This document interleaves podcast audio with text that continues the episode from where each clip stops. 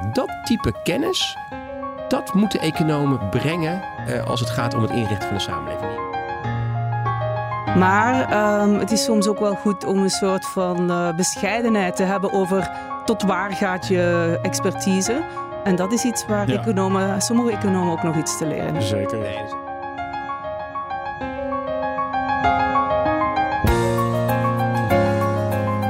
Hoe welvarend is Nederland? Krijgt de komende generatie het beter of slechter? ESB zoekt het uit in Welvaart, de brede podcast. Samen met onderzoekers, beleidsmakers en politici. Ja, even aan het woord hoorde je al Bas Haring en Ingrid Robijns, onze twee gasten van deze aflevering. In dit gesprek gaan deze filosofen onder andere in op de rol die economen wel en niet kunnen spelen in het debat over welvaart. Laten we naar het gesprek gaan luisteren.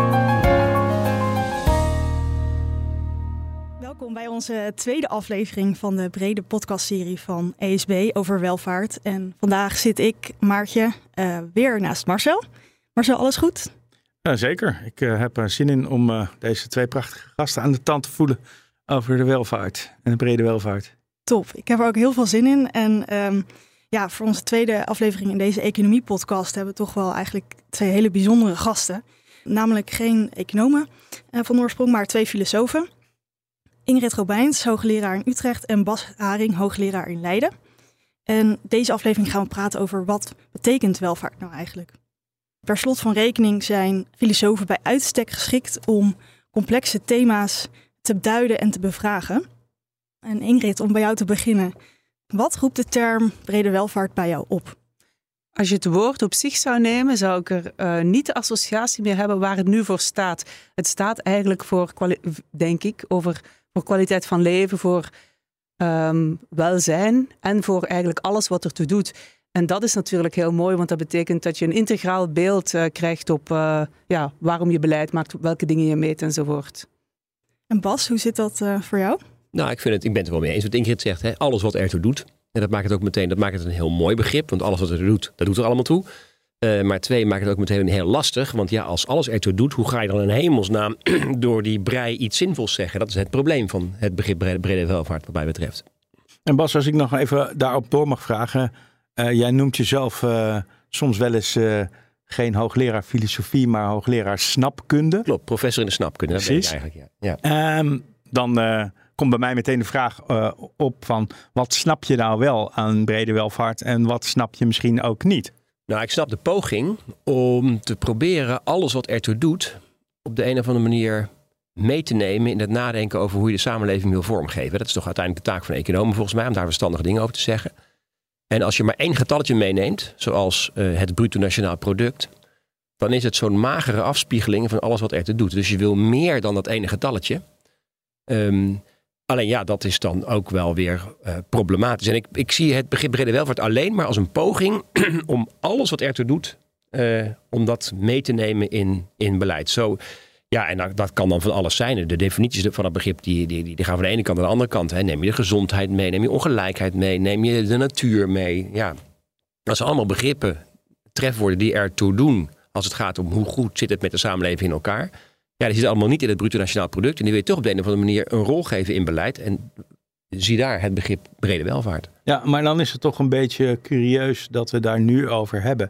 Jij bent, eh, eh, weet ik, eh, vertrouwd met het gedachtegoed van Arnold Heertje en Hennepman. Ja. En die hadden daar vlak na de oorlog eigenlijk al over. Dus wat, wat is, dit, is dit nou iets nieuws of is dit gewoon, Nou, gewoon nieuwe zakken? wat is het? Oude wijn in nieuwe zakken? Nou, het is geen. Het is, kijk, het is iets wat je vermoedelijk de hele tijd krijgt. Kijk, het is, het is aan de ene kant heel logisch. En ik wil eigenlijk wel een, een korte verdediging houden voor zo'n simpel cijfertje, zoals het bruto nationaal product. Eh, het is heel logisch om, dat, om, dat, eh, om één cijfertje te hebben. Dat is namelijk heel makkelijk. Want dan kun je het hele, het hele economisch instrumentarium kun je gebruiken om je te helpen bij beleid. Ik geef je een concreet voorbeeld. Stel je voor eh, dat je, je, kunt, je kunt zeggen dat één uur is meer dan één seconde, toch? Je kunt ook zeggen dat 1 kilo is meer dan 1 gram.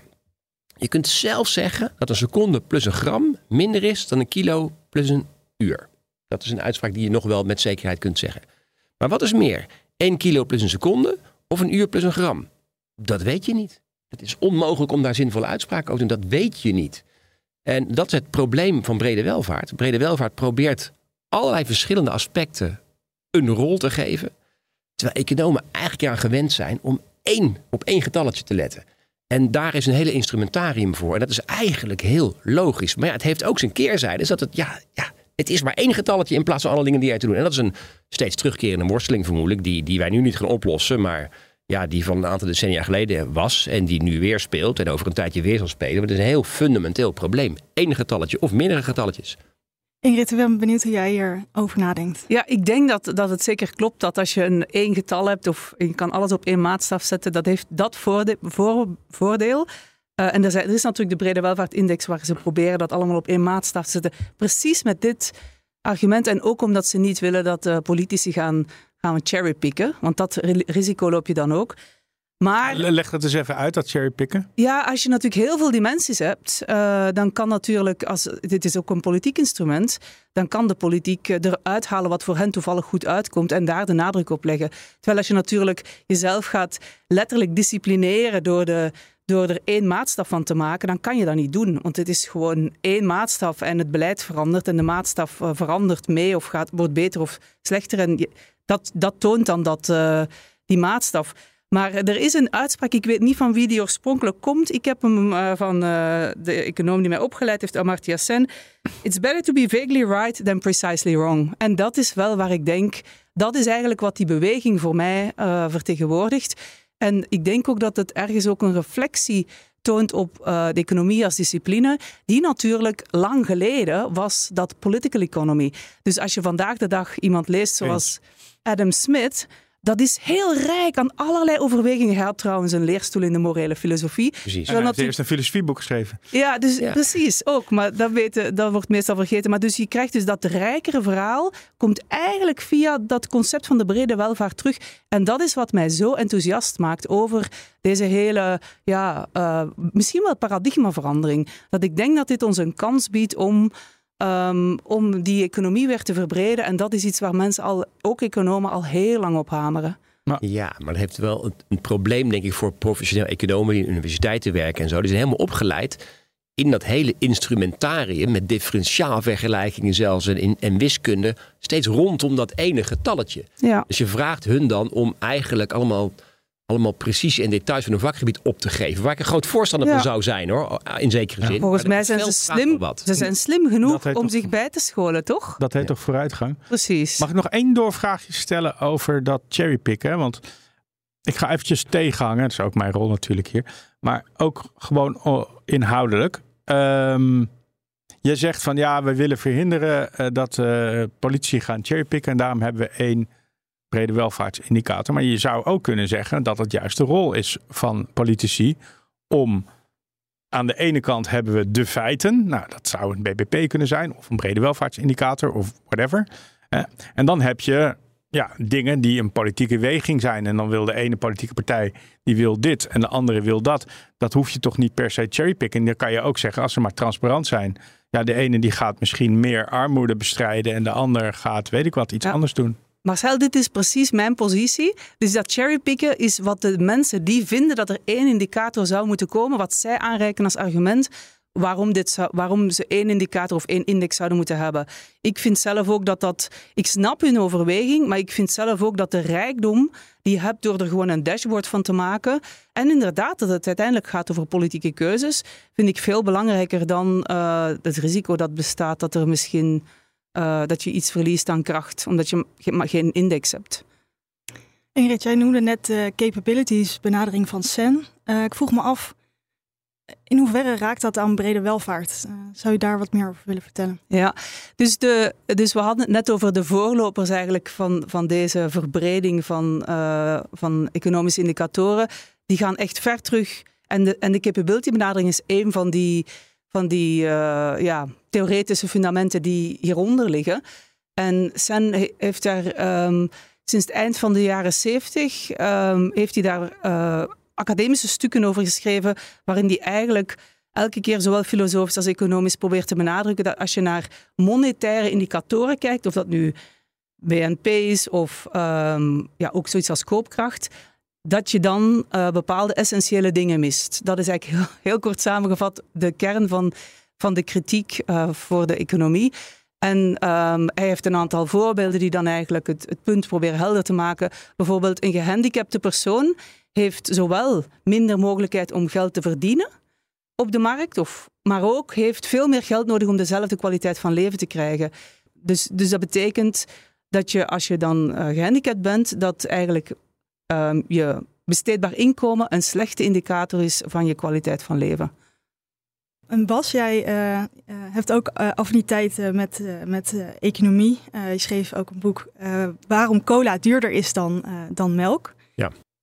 Hoe zie jij de rol voor economen en de economische wetenschap in dit debat?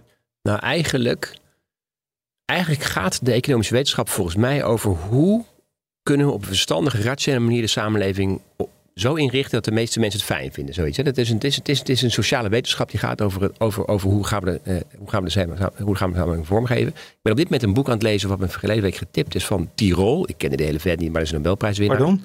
Ja, weet je, ja god, ik ben, mijn ik ben een filosoof. ja, nee, oké. Maar die schrijft heel goed in het begin van het boek, hier gaat de economische wetenschap over. Over hoe we de samenleving mooi moeten maken. en dan moet je soms tegenintuïtieve uitspraken over doen. Want de samenleving is, zit anders in elkaar dan een leek denkt. En daar heb je een wetenschap voor, dat is de economische wetenschap. Die kan vertellen van nou, als je dit wil in de samenleving, dan moet je niet puntje puntje doen wat je misschien denkt, maar dan moet je het tegenovergestelde doen. Dan, kom je uiteindelijk beter, dan komt het beter uit. En, en dat soort uitspraken, dat moeten, vind ik, economen doen. En die moeten ook laten zien dat het tegenintuïtief is. En dat, dat zie ik als hun taak. Bijvoorbeeld, heel grappig, um, wat, ik hoorde Bas Jacobs maandag op de radio hier in het BNR-gebouw over het minimumloon. Ja. En die beargumenteerde heel duidelijk dat als je het minimumloon verhoogt, dat je dan vermoedelijk niet het effect krijgt wat je wil, wat veel slimmer is om belastingkorting te geven aan mensen met een laag inkomen. Daar had hij heel heldere economische motivatie voor. Nou, dat type kennis, dat moeten economen brengen uh, als het gaat om het inrichten van de samenleving. Die weten wat er gebeurt als je iets doet. Die kunnen daar verstandige uitspraken over doen. En het is, en het is soms heel tegenintuïtief. En dat is een rol van de economische wetenschapper, denk ik. En, en, en hoe, zie jij, hoe zie jij dat, Ingrid? Ik ben het met alles eens, behalve dat ik denk wat jij omschrijft als de rol van de economische wetenschappen, zie ik als de rol van alle alfa- en gamma-wetenschappen. Dus ik denk dat, uh, stel, neem bijvoorbeeld, uh, roep maar iets, depressie.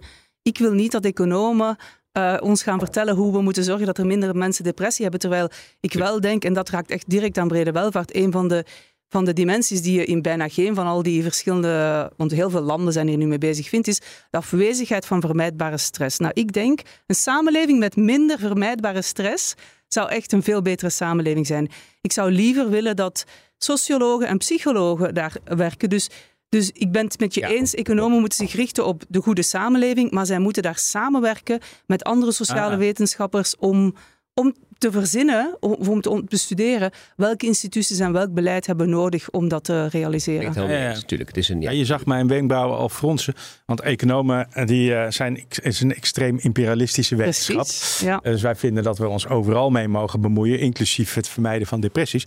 Maar je punt is niet dat economen zich daar niet mee mogen bemoeien, maar dat ze dat samen moeten doen met sociologen of medici of wie dan ook, psychologen. Ja, en dat is inderdaad, ik denk sowieso, interdisciplinaire samenwerking zouden we, die, die is al, vind ik, veel beter dan een paar decennia geleden, maar die zouden we nog kunnen verbeteren.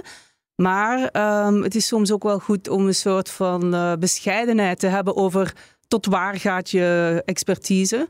En dat is iets waar ja. economen, sommige economen ook nog iets te leren hebben. Zeker. Nee, dat is helder. Er zijn, er zijn ook, wel, ook van die economen die zeggen dat ze het begrip liefde of huwelijk kunnen, kunnen beschouwen op een economische manier. Dat is natuurlijk gewoon volkomen onzin. Dat is ja, niet hun domein. Gary Becker heeft er ook een Nobelprijs voor gekregen. dat zijn niet de minsten die, dat, die daar... Nou goed, oké. Ehm, jullie hebben proberen te duiden wat de rol is van economen. Um, en mijn logische vervolgvraag is natuurlijk... maken die economen die rol eigenlijk wel waar? En in welke, in welke mate uh, zijn daar nog wel uh, tandjes bij te zetten? Eerst maar eens even naar Ingrid, want die zit een puntje van de stoel om hier antwoord op te geven, zie ik. Nee, nou, was ja. nog even aan het nadenken is. Uh, nee, ik vind het prima om uh, er als eerste iets over te zeggen. Um, wat ik echt fantastisch vind, is um, de vooruitgang die we maken met het meten. En economen willen natuurlijk meten en dat is een van hun taken. Um, waar ik denk dat economen nog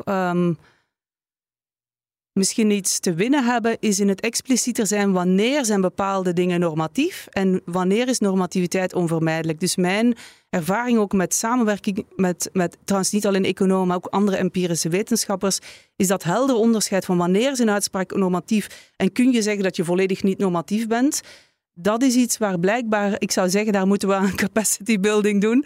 Hm. dat, dat die mensen die empirisch werk doen, dat ook herkennen. Want vaak zeggen ze, oh, maar ik doe totaal niks normatief, ik doe geen morele uitspraken en ik zie gewoon een morele uitspraak. Nou, een goed voorbeeld daarvoor is bijvoorbeeld de modellen van het Centraal Planbureau. Ik heb daar zelf bijna tien jaar gewerkt. En de gedachte is onder, nog steeds onder best wel wat economen. Van ja, daar moeten we. Uh, dat, is, dat is niet normatief. En als we dan daar, daar voorbij gaan, dan wordt het wel normatief. Terwijl die modellen natuurlijk zelf inherent ook ja, normatief precies. zijn. Ja, nee, het is, bijna, het is volgens mij bijna onvermijdelijk om volledig niet normatief te zijn, behalve als je een vraag krijgt van buitenaf. Dus je kiest niet zelf de onderzoeksvraag en je zegt gewoon letterlijk: ik ga dit nu een antwoord geven op die vraag die mij gesteld wordt. Dan en het gaat over een empirische vraag, een schatting van een effect of zo. Dan zou je kunnen zeggen: het is niet normatief. Maar zodra je kiest voor een model of zelfs kiezen voor een methode, heeft normatieve implicaties. En ik zou het uh, economen en economiestudenten gunnen dat we hen uh, beter trainen in dat te herkennen wanneer ze die keuzes maken. Ja. Nee, vind ik wel terecht, ja. Ik, ik, heb, nee, ik heb een hele andere ervaring. Uh, even over de normatieve. Uh, ik heb bij biologie gedoseerd. En ik heb ook, ik heb ook met, met economiestudenten soms wel eens te maken. En ik geef juist de economen altijd als voorbeeld van een wetenschap waar ze zich heel erg bewust van zijn van het normatieve aspect van hun wetenschap. En biologen hebben dat helemaal niet. Um, of die zijn zich er nauwelijks bewust van. Bijvoorbeeld een begrip als biodiversiteit, wat ik een heel interessant begrip van, is een heel erg normatief begrip. Dat is iets wat ze, ze gewoon waarderen. Maar dat zijn ze zich helemaal niet bewust. En ik geef een econoom altijd als voorbeeld van een wetenschap die zich relatief bewust zijn van het normatieve aspect van, van hun domein. Nou, ja, ik vind het wel fijn te horen dat er nog mensen zijn die, nog, die nog zwakker zijn op dit vlak. Nee, dan, wil ik dus de lat nog hoger leggen. Ik denk dat we dus de lat nog hoger... En ik, moet ook, ik denk dat het echt komt bijvoorbeeld met die selectie van indicatoren. Het maakt niet uit welke econoom... En trouwens niet alleen economen, ook andere mensen die empirisch werk doen. Dat is zo normatief. Dus wees daar dan gewoon ook helder over en denk ook na over wat dat betekent voor je methode. Maar de vraag was net. Um, maak ik het waar? Ja, maak ik helemaal het waar. Ik weet niet of die vraag ook aan mij nog wil stellen. Ja, zeker. Want, want um, uh, ik heb soms met economiestudenten te maken. Soms bijvoorbeeld vorige week bij het allereerste college dat alle UvA economiestudenten krijgen. Dat is een college van mij. Super grappig. In Carré. Uh, dat is natuurlijk super oh. eervol om dan gewoon het hele, ja, aan alle jaar dan een heel kort gastcollege te geven. Maar als je met die mensen praat, dan zijn eigenlijk heel weinig studenten, al dus mijn intuïtieve steekproef, zijn bezig met die agenda van die meneer Tirol die ik net noemde. Nadenken hoe je op een rationele manier de samenleving op een prettige manier kunt vormgeven. Eigenlijk zitten ze daar om daar helemaal niet. Die zijn economie gaan studeren omdat ze denken dat ze daar een goede baan mee kunnen krijgen in het bedrijfsleven. Hm. Of ze waren goed in op school. Maar die grote, fundamentele, diepste vraag van die wetenschap, die stellen ze zich eigenlijk nauwelijks. Dus ik denk dat je daar met meteen les 1 mee mag beginnen, dat het daar in zekere zin om gaat. Ja, vind ik wel een goede, maar dat komt ook door het droevige niveau van de manier waarop economie op middelbare scholen wordt onderwezen. Denk dat, ik. Daar kan ik geen oordeel over, dat weet ik niet. Ik, zou, uh, ik, ik zou jullie ook nog even graag willen um, aanspreken op jullie rol als filosoof en jullie kennis over de filosofie.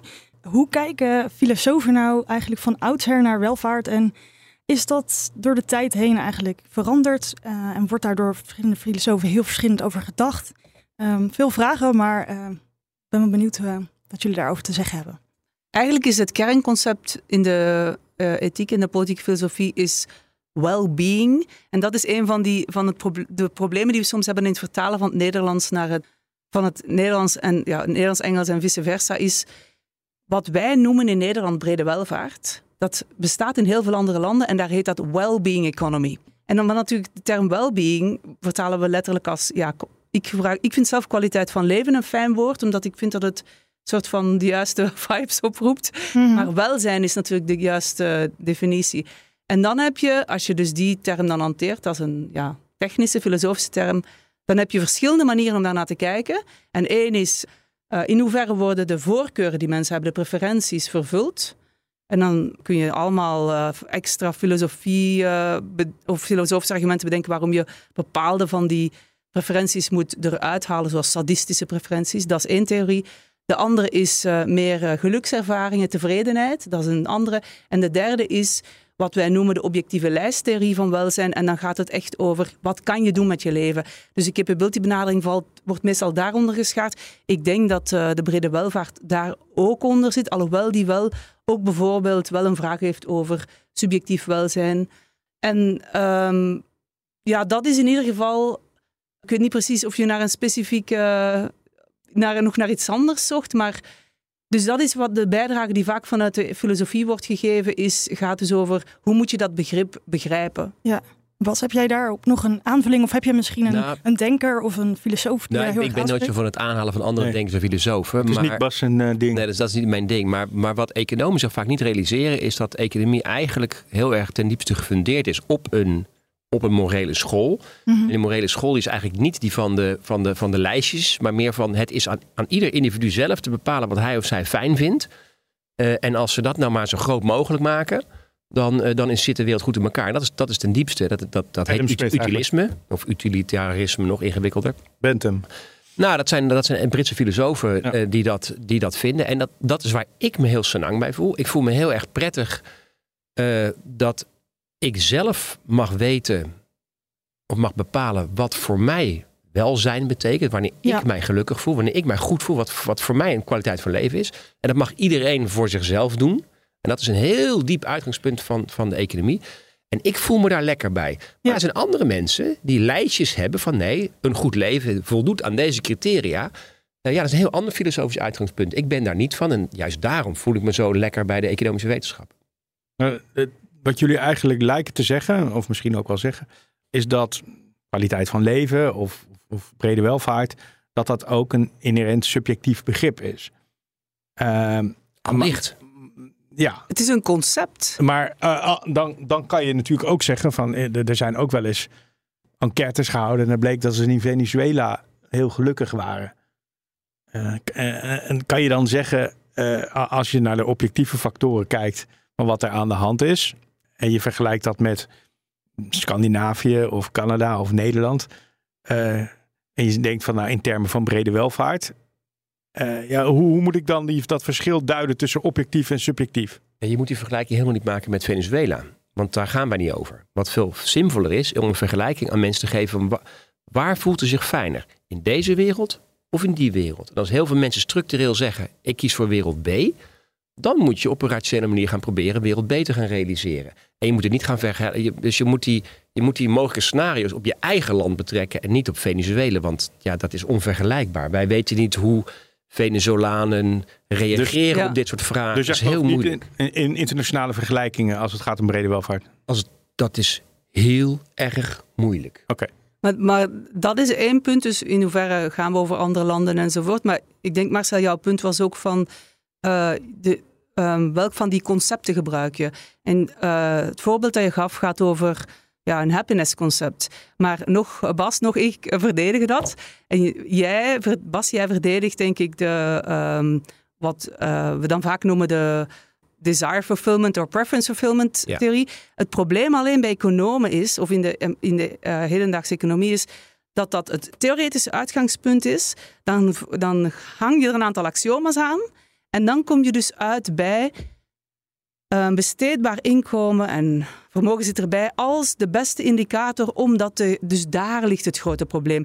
En ik moet ook zeggen, de, um, wat mijzelf zo, wat ik zo aantrekkelijk vind aan de capability benadering, is dat het wel, het speelt zich op twee niveaus af, op die uitkomsten, maar eigenlijk zegt het precies wat jij zegt. Mensen moeten het zelf kunnen kiezen wat ze belangrijk vinden. Dus die verschillende benaderingen, die hebben ook raakvlakken. En ik denk dat um, dat het, uh, en natuurlijk, je kan speciale casussen zoeken waar je dan, waar dan test hoe, hoe die benadering dan precies verschillen. Maar ik denk, ik ben het met je eens dat het wat er te doen is. Wat willen de mensen? En uh, wat voor soort leven willen ze? En dus wat voor soort samenleving willen ze? Maar daar moeten we wel de kanttekening bij zetten binnen uh, de grenzen die uh, moraliteit op ons legt. En dat heeft onder andere te maken met internationale rechtvaardigheid en met intergenerationele rechtvaardigheid. En dat heeft mij eigenlijk verbaasd aan het brede welvaartsbegrip zoals dat in Nederland is uitgerold, dat die twee daarin zitten. Ik had het nooit verwacht dat de mainstream van de, van de, van de mensen die uh, indicatoren gaan maken, dat die dat gewoon heel centraal stellen. Een bonusje voor je. Ja, ik, ik, ik, vind het gewoon een, ik vind het gewoon opmerkelijk en ik vind het heel goed, want het maakt natuurlijk heel veel uit of wij dezelfde brede welvaart voor toekomstige generaties nog houdbaar laten. En of dat we natuurlijk onze eigen brede welvaart gebaseerd is op, uh, ja, of dat negatieve effecten heeft op andere landen, of misschien positieve effecten, dat kan ook. Zullen we naar de vraag van Sarah?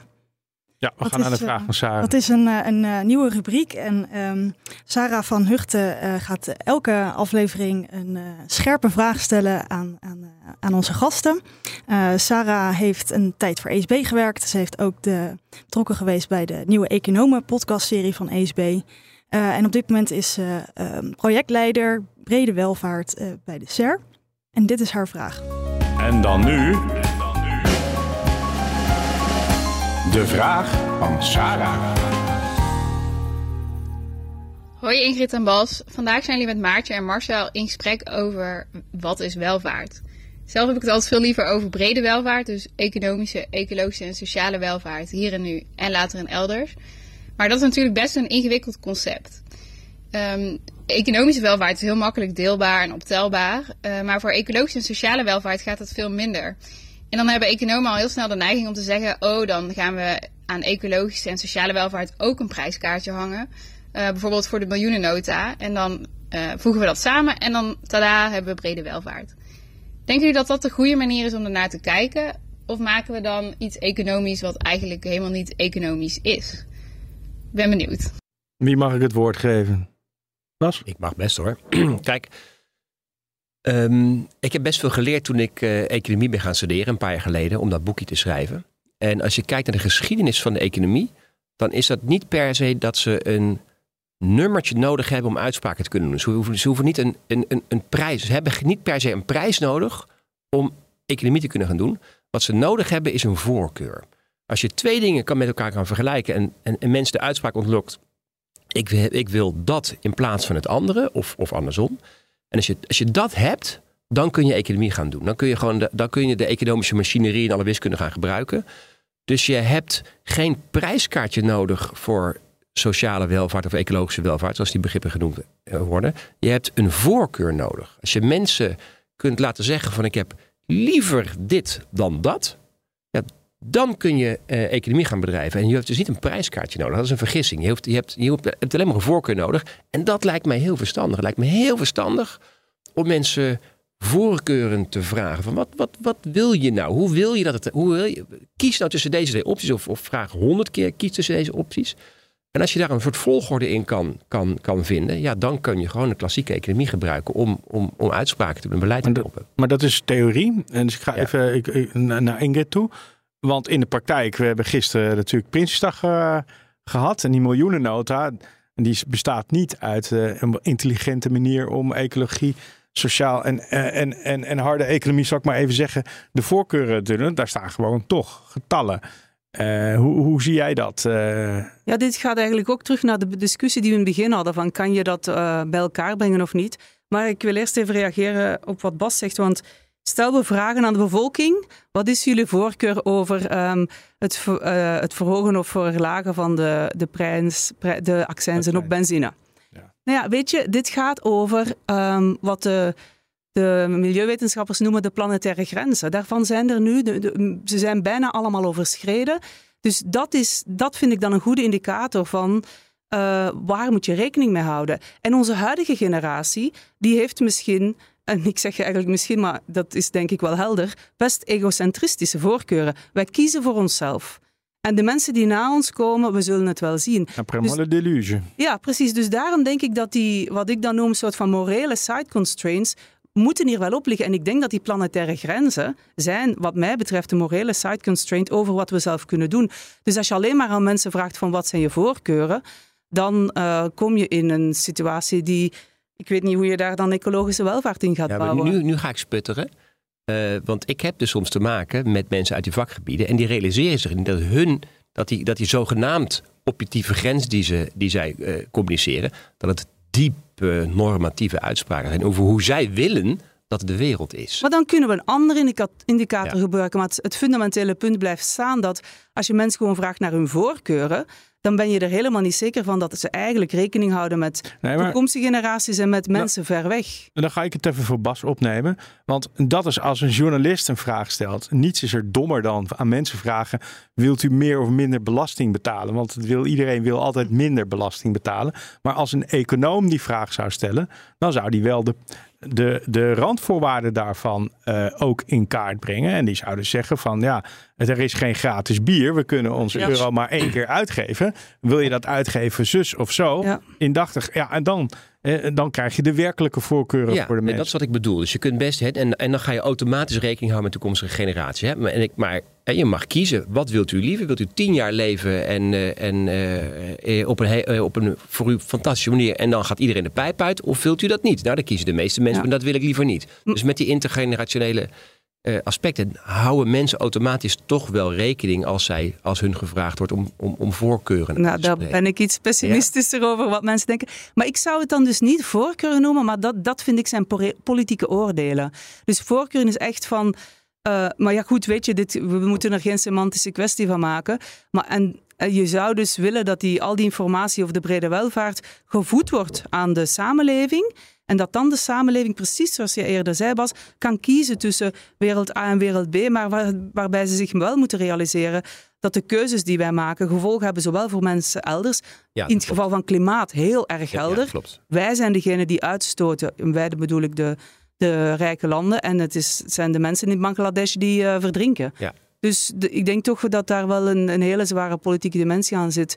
De vraag is natuurlijk of dat dat... eh, dus bij, de economie heb je vaak dat het theoretisch heel mooi is. Bijvoorbeeld neem het concept van internaliseren van de negatieve externaliteiten. Ja, uiteraard. Maar hoe doe je dat in de praktijk? Hetzelfde met het, eh, het filteren van voorkeuren, zodat eh, ja, zo'n dingen zoals sadisme eruit worden gehaald. Mooi theoretisch, maar hoe werkt dat in de praktijk? En wat natuurlijk interessant is, is dat de brede welvaart zit gewoon in onze instituties, in de planbureaus, in het regeringsbeleid. En daar moeten we dus goed nadenken over hoe overbruggen we die wereld van abstracte theorie. Dat geldt zowel voor de economie, maar ook voor de filosofie en voor andere gebieden. En die praktijk. En dat, dat is heel lastig. Ja, maar ik zie hier wel mogelijkheden. Want je moet, het is zinvol om ook naar de geschiedenis van die getalletjes te kijken die we nu gebruiken. Zoals bijvoorbeeld het bruto nationaal product, of wat voor getal het dan ook eh, precies mag zijn. Die getallen bestaan vaak omdat het in het verleden het enige getal was wat we hadden. Weet je, dat is gewoon, ja, er is niet meer statistische informatie in de samenleving. Dus je telt gewoon op hoeveel er verdiend wordt. En dat gebruik je dan als een indicatie van hoe staat het er met elkaar voor. Maar nu in een samenleving met overal data en overal kunstmatige intelligentie kunnen we op een veel slimmere manier uitspraken doen over hoe het ervoor staat in de samenleving. Ja. Dus ik, ik zie daar wel mogelijkheden. Ik zie ook wel, ik, zie, ik, ik geloof echt wel in intelligentere indicatoren van hoe het er met elkaar voor staat. Omdat we in een hele andere informatiewereld leven tegenwoordig. Ja, goed punt. Dit zijn ook nog dan wel onderwerpen door. die, eh, die later in de serie eh, aan bod gaan komen. Inget, ik heb voor jou nog een eh, vraag. Want eind november komt er een, een nieuw boek van jou uit, als ik goed heb, over limitarisme. Met daarin een pleidooi tegen extreme rijkdom. En mijn vraag is, er bestaat dus zoiets als te veel persoonlijke welvaart. Dat is wat ik eh, argumenteer in mijn boek. En hoe is dat gedefinieerd dan? Te veel welvaart? Het gaat niet over te veel welvaart, maar het gaat over te veel persoonlijk ja, vermogen. Dus eigenlijk inkomen en vermogen. Maar de facto gaat het dan, zodra je het hebt over te veel, gaat het over vermogen. Nou, wat is dan te veel? Eh, dat, eh, staat, dat, dat beargumenteer ik in het boek. Ik kan er nu natuurlijk een half uur over het boek gaan praten. En ik zeg ook van dat is een politieke discussie. Maar dat is dus net zoals we een armoedegrens hebben, zou je zoiets kunnen hebben als een rijkdomsgrens. Kun je een, een tipje van de sluier geven over wat het probleem is met te veel rijkdom? Ja. Eh, ik heb het woord brede welvaart eh, niet gebruikt in het boek, maar ik zeg wel op een bepaald moment in het laatste hoofdstuk van hoe gaan we nu verder naar ehm, hoe, wat betekent dit voor de economie? En dan heb ik het over eh, discussies die nu gaande zijn, zoals de Wellbeing Economy. Dat is een Wellbeing Economy Alliance, is een groep van landen die zich richt op eh ja, wellbeing centraal stellend overheidsbeleid. Ik weet eigenlijk niet of de Nederlandse overheid al daar aansluiting zoekt. Maar dat lijkt me eigenlijk heel logisch om dat te onderzoeken, want onze brede welvaart is gewoon well-being. Maar je hebt natuurlijk ook al die alternatieven die onder de, het degrowth label vallen, of over sustainable prosperity, over mensen die het basisinkomen terug, allemaal voorstellen. En dus eigenlijk is het, uh, dus dat is de toekomst. Daar moeten we denk ik gaan nadenken over welk van die modellen uh, is misschien, dat is een open vraag, kan ons een betere samenleving leveren dan, uh, dan degene die we nu hebben. En mijn, uh, mijn pleidooi in het boek is dat als je een samenleving zou hebben met een economisch systeem dat probeert die ongelijkheid te beperken, en niet alleen van de onderkant, maar ook van de bovenkant, dat dat leidt tot een samenleving die, uh, om de terminologie van vandaag te gebruiken, leidt tot een hogere welvaart, onder andere. En dan heb ik voor elk argument een hoofdstuk, maar de, de, het is beter voor de democratie, het is beter voor de ecologie. Het uh, kan, als je dan het geld goed gebruikt, dat is een belangrijke kwalificatie, uh, kan heel veel um, noden lenen enzovoort. Oké. Okay. Nou, tot zover de reclameboodschap die er natuurlijk ook moet zijn. Koop allemaal dat boek. Uh, maar tegelijkertijd ook een bruggetje. Want je had het over open vraag, maatje. Ja. Daar hebben we nog wel iets over. Precies. Uh, nou ja, het, filosofen staan er natuurlijk bekend omdat ze heel goed zijn in het stellen van, van vragen. Uh, en ik heb uh, hier iemand naast mij zitten die ook ja, van alles altijd wat vindt, Marcel. en tegelijkertijd ook econoom. Um, dus... Nobody's perfect. um, welke vraag hebben jullie misschien voor Marcel um, over brede, brede welvaart? En als het te lastig wordt, dan uh, speel het gewoon door naar de volgende gast in een volgende aflevering. Nou, dat vind ik wel een, een mooie vraag om ons te stellen, maar ik moet er wel even een 30 seconden over nadenken. Ja, hier moet ik ook. Uh, ja, dat is ik, filosofen zijn maar goed in het stellen van vragen, maar zijn ook goed in de tijd nemen voor het goed nadenken over welke vraag ze zouden willen stellen. Want het is hun vak om vragen te stellen. Ze hebben daar tijd voor nodig. Neem even de dus tijd. ik kan dat niet zo in één keer. Uh... Ja, dat geeft niet, want jij hebt het praat, de tijd zo praat dat Ingrid inmiddels Precies. een vraag heeft Dat is natuurlijk onze strategie. Zo werken wij filosofen samen. Daarom hebben we er ook twee uitgenodigd. Ja. Dus ik, wat, ik, wat ik dus zelf het interessantste vind aan wat er nu gebeurt, is dat het echt in de samenleving zit. Dus die planbureaus zijn daarmee bezig enzovoort. Maar ik zit er zelf onvoldoende dicht op. En ik ga ervan uit dat Marcel precies weet wat er allemaal aan de hand is. En wat ik mij dus afvraag is, wat zie jij als um, mogelijke um, risico's die hoe dat het, er nu voor, hoe dat het zich nu ontwikkelt, um, zouden kunnen zijn voor, voor, hoe, voor het ideale scenario dat deze, ja, als je het wil noemen, paradigmaverandering in Nederland zou, zou, zou hebben. Dus ik, ik even te, puur uh, ja. hypothetisch. Je zou bijvoorbeeld kunnen zeggen. Het, de mensen werken verkokerd. Nou, dat, die indruk heb ik helemaal niet, maar zoiets. Ja. Iets waarvan je zegt van in de praktijk, dit is iets waar we over moeten, waarvoor we moeten waken. Ja, nou, ik vind het een hele goede vraag. En ik, ik, ik ga hem ook voor een deel weer doorspelen aan de komende gasten, omdat ik ook gewoon benieuwd ben hoe zij dat zien. Maar ik zie zelf twee typen risico's die aan het uiteinde van het spectrum zitten eigenlijk. Eén risico is dat, uh, dat brede welvaart vooral iets is wat met de mond beleden wordt. Uh, je ziet ook politici die uh, bij voortdurend daarover hebben. Maar als ik kijk naar de miljoenennota en wat er daadwerkelijk aan beleid is. En in, in, in, in, in hoeverre dat ook doorvoeld is door ambtenaren en doorleefd is. En ook echt dat je kunt zeggen van ja, gisteren zouden we dit nog doen als we een ouderwets begrip zouden hebben. En morgen doen we iets heel anders, want brede welvaart. Ik heb het nog niet aangetroffen. Ja. En ik zou het wel graag willen aantreffen in de toekomst. Maar ik ben daar niet per se extreem optimistisch dat dat heel snel gaat. Dus dat is eigenlijk het risico aan de ene kant van het spectrum. Het risico aan de andere kant van het spectrum is dat je door, uh, een beetje doordraait. Lex Hoogtuin stelde Kim Putters daar een vraag over. Hè, en dat, uh, dat de overheid dan plotseling verantwoordelijk is voor het geluk van mensen. En allerlei dingen gaat doen waar de overheid A niet goed in is en ook B eigenlijk niet voor is. Waarom is de overheid daar niet voor?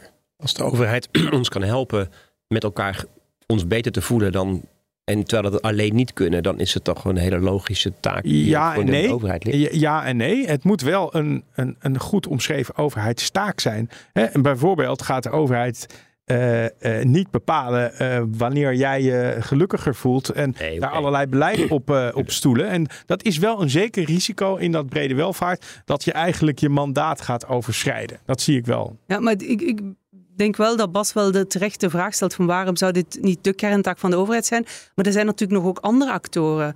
Dus er zijn mensen die, uh, Jan Luiten van Zanden had recent een stuk in de ESB, die echt oproept op dat we uh, die coöperatieven weer veel meer uh, gaan ruimte geven. Ja. En, en natuurlijk sommige mensen denken ook dat bedrijven hier heel veel Ja. een verandering. Dus ik denk, de vraag naar wie is de actor die Ja. moet gaan dit uitvoeren of aan Ja. de zet is, is een secundaire vraag op de vraag: wat is nodig? Wat moet er Ja, gebeuren? nou, da- daar ben ik het helemaal mee eens. Ik schrijf zelf mijn vingers krom over zorgzame buurt tegenwoordig. En eh, dat is nog een derde gevaar, inderdaad. Is dat burgers een overspannen verwachting Ja. hebben wat overheden wel niet kunnen. Ja. Terwijl we weten, bijvoorbeeld in de ouderenzorg of langdurige zorg, is dat mensen heel erg veel zelf kunnen doen om te zorgen dat hun gemeenschappen eh, vitaal blijven. Ja, maar het gaat ook niet per se om dat de overheid hoeft dingen- die dingen te doen.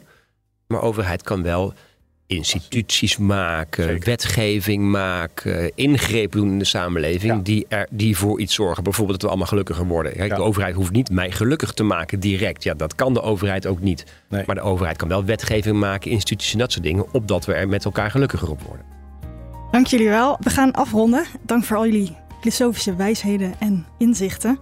Ehm, Marcel, eh, jij bedankt. En ehm, natuurlijk onze bijzondere gasten eh, Ingrid en, en Bas. En voor de luisteraars, ehm, tot volgende week.